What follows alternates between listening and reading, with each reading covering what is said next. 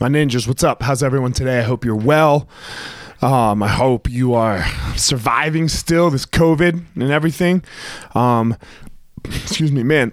What I wanted to talk about today was fear, uh, and not like like that that fear that's that's just there, you know, and not the fear of COVID, not the fear of diving, not dying, not not not this nonsense, but like, man, I'm about to go teach this class on Zoom.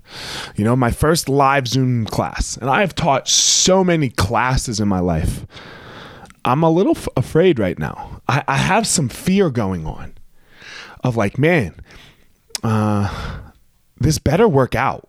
I, I better, I better do a good job. Like I'm nervous to do a good job because it's really, really important to me that I do a good job. Because um, the way I approach my classes is not that it's the student's privilege that I am teaching, that it's my privilege that anybody would actually spend an hour of their day and like listen to me about and what I have to say.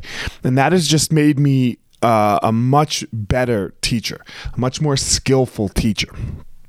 So, this is something I've never done before and it's really important to me.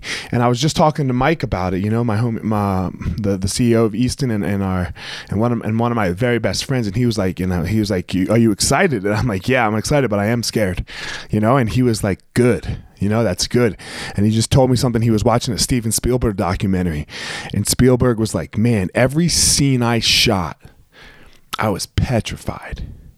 I was petrified. And that fear that fear of not not doing a skillful job and not producing something skillful and, and, and to the best of our abilities that fear made it good. So a lot of times we get real comfortable right? A lot of times we we know that we know how to do something and, and we just we just start cruising through the motions if you're not showing up every day with whatever you're doing and you don't have a, a, little bit of fear, if your asshole doesn't get a little fucking tight with what you're about to do, you don't got any you, you got to you got to fix that. You know? You got to fix that. You got to fix that immediately. You got to go find something that fucking scares you. That like and not scares you like like I was talking about before, but that that that that is that that push that's like, "Yo motherfucker, here you go." So I know a lot of us have some time right now, right? We have some time to, you know, we, we have downtime. We have so much downtime. We're at our houses. We can't go anywhere, you know? If, if, if what you do on your daily, you know, before COVID, if it doesn't give you a little bit of, a little bit, a little bit of go, now's the time to figure out what will give you some go and gain the skills to do it. Make sure you're afraid, you know? Make sure you ha- you have a little bit of that man. Fuck yeah, I want to do do do well here. You know, I, I mean, I, am gonna crush this. I'm gonna I'm gonna I'm gonna move. I'm, I'm gonna I want to do this as skillfully as I can. You know, make sure you have a little bit of that in your life.